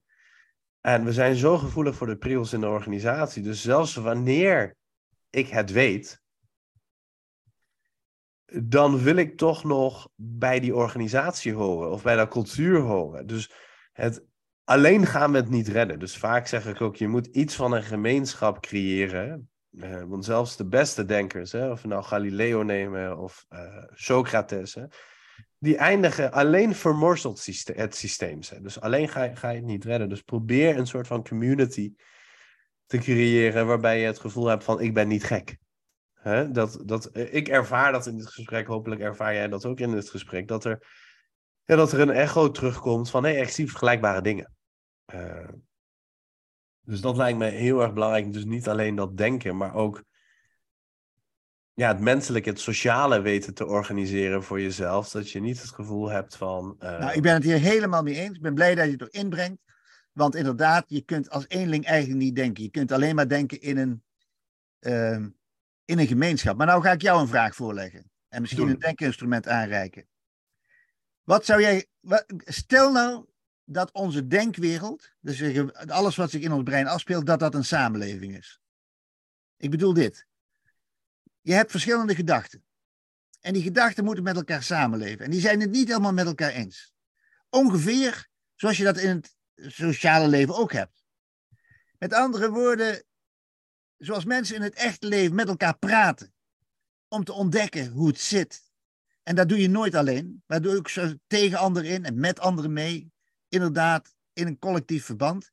Misschien speelt datzelfde zich ook wel in ons hoofd af.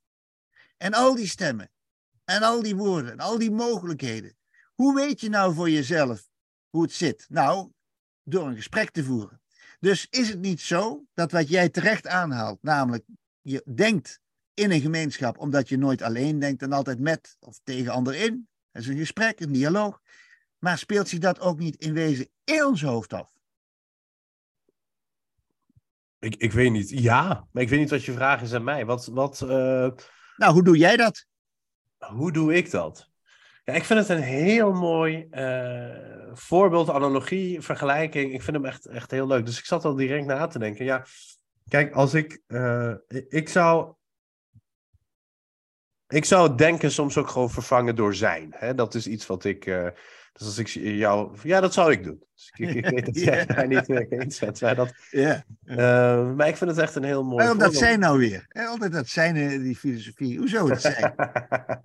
is nou, wat is dat nou, dat zijn? Dus uh, denk ik een andere podcast. we, hebben, we hebben er nog een paar te gaan als ik okay. ook het gesprek van vanochtend voor de podcast luister. Maar ik vind het een heel mooi voorbeeld. Kijk, er, er zijn, ik, ga, ik ga gewoon mijn, uh, wat er bij mij te binnen schoot uh, aan je voorleggen, want dat is het meest pure. Um, ik merkte, het eerste wat ik dacht is, oh ja, ik heb natuurlijk uh, veel meer empathie voor, voor mezelf dan voor de ander. Um, dat ik, ja, ik, ik denk dat dat toch een menselijke neiging is, maar um, Waarbij ik dacht van, nou, in eerste instantie, nou, ik ben heel erg makkelijk bereid te luisteren naar beide perspectieven in mijn eigen denken. Toen dacht ik, nee, dat is helemaal niet waar. Ook in mijn eigen denken onderdruk ik soms een bepaalde gedachte en een andere niet.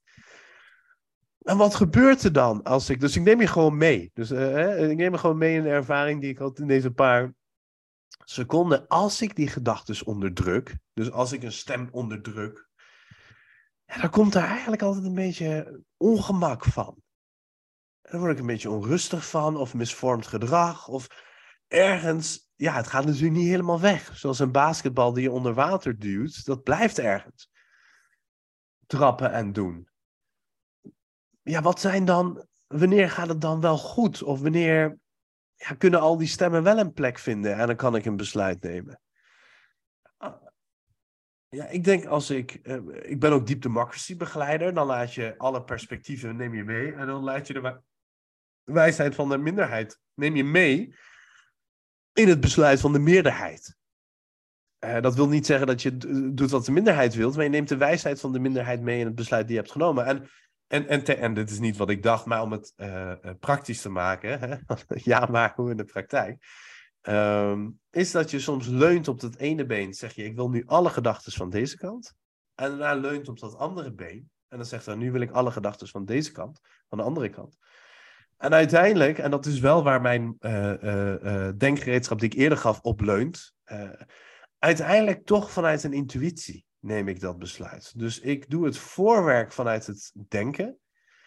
En dan probeer ik ook zo helder en onderscheiden mogelijk te denken. En ik geef al die geluiden een stem. Maar wel volgens bepaalde spelregels.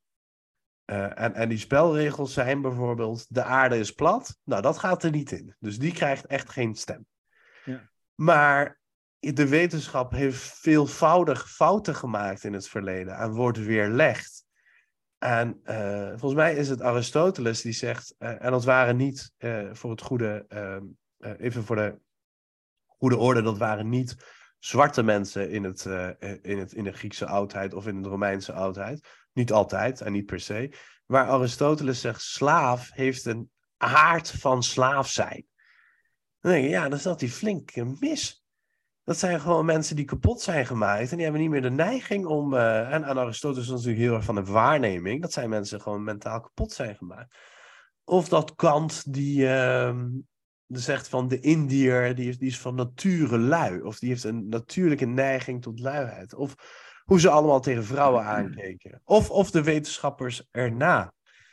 Eh, Newton is bijvoorbeeld misschien een van de grootste denkers, maar als je kijkt wat hij over het leven dacht en deed, dat is bijna eh, eh, grappig. Tesla was verliefd op een duif. Ehm, dus dat denken heeft wel een plek. Maar wat je nu in feite laat zien, is dat je een veelheid van denkbeelden hebt. Ja, maar ik sluit ook uit. Nee, precies. En je wil er iets mee. Je wil er iets mee. Sommige wil je vasthouden, andere wil je eigenlijk niet toelaten. Weer anderen moet je hun plek wijzen. Weer anderen geef je voorrang. Weer anderen, daar zie je een botsing, maar die probeer je te verzoenen. En waar ben je dan eigenlijk mee bezig? Nou, volgens mij ben je bezig een land te besturen. Dus mijn gedachte is dat, dat denken, zeker filosofisch nadenken, een soort van afgeleide is van wat je als bestuurder doet. Namelijk, ik heb hier allerlei verschillende stemmen en die moeten het een beetje met elkaar uithouden. Dat, en als het nog beter is, dan moet het een min of meer samenhangend geheel zijn. En daarvoor moet ik iets doen. Ik kan die stemmen niet allemaal toelaten. Ik kan ook niet één stem alleen maar toelaten. Ik heb te maken met een veelheid. En ik moet het gesprek in mijzelf voeren. Zoals een bestuurder eigenlijk zich moet voorstellen dat de zeer verschillende inzichten en ervaringen in een bepaalde gemeenschap allemaal hun recht opeisen. Maar, je, terecht zeg je, ik heb als bestuurder, als denker, natuurlijk wel een intuïtie van de richting waarin het zou moeten. Het is niet helemaal blanco. Het is in beginsel wel blanco, omdat ik al die stemmen serieus neem, maar ik wil er iets mee in de grote lijn. Een hele concrete eh, illustratie is gewoon, je ziet hier achter mij een boekenkast.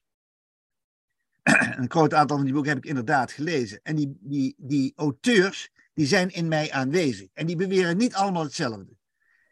En eh, sommige auteurs zijn mij zeer dierbaar. En andere auteurs heb ik echt de pest aan. En er zijn ook auteurs waar ik de pest aan heb, maar die toch iets gezegd hebben waarvan ik zeg, ja, ik, ik mag jou niet en toch heb je gelijk op een aantal punten. Nou, en dat geheel, dat moet ik een beetje bij elkaar houden. En daar heb ik dus een boekenkast voor. Maar eigenlijk in mijn denken heb ik daar ook een soort denkkader voor. En dat denkkader is meer dan dat die boeken allemaal keurig naast elkaar zijn, want die boeken zijn met elkaar in gesprek. En dat is een manier van denken die dus veel minder abstract is dan je in de wiskunde of in de technische vakken hebt. Maar dat is meer een sociaal en publiek denken wat we hier nu bij de kop hebben. Waarbij datgene wat zich in je, in de stilte van je hoofd zich afspeelt, uh, uh, sterk analoog is aan datgene wat ook buiten jou in de samenleving zich afspeelt. Dus dat noem ik dan maar publiek denken. Want je denkt, je denkt natuurlijk wel zelf na, maar je denkt ook eigenlijk in het publiek, met het oog op de publieke zaak. Ook om de zaak, die publieke zaak, een beetje. Je, dat wordt nooit homogeen, dat hoeft ook helemaal niet, maar het moet wel een beetje kloppen als samenleving van gedachten, zal ik maar zeggen. Ja, ik vind het echt een, uh, ik vind het een geniale oefening. Ik vind het een geniale oefening omdat het je laat doorvoelen wat het probleem eigenlijk is.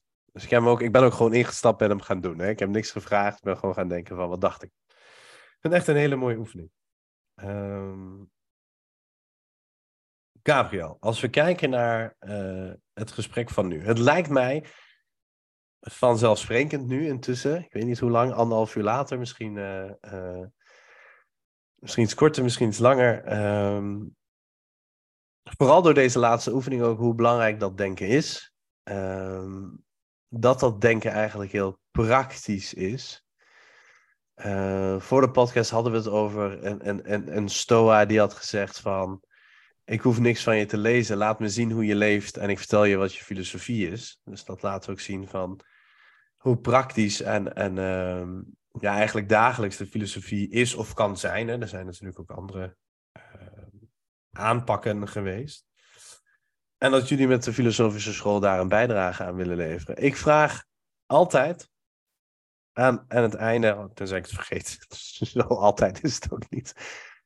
Hoe kunnen we hier in het goede doen? Dus hoe kunnen we in dat ja maar en de praktijk, hoe kunnen wij, misschien wel als, als begeleiders of, of trainers of filosofen, maar ook buurmannen, buurvrouwen, hoe kunnen we hier in het goede doen?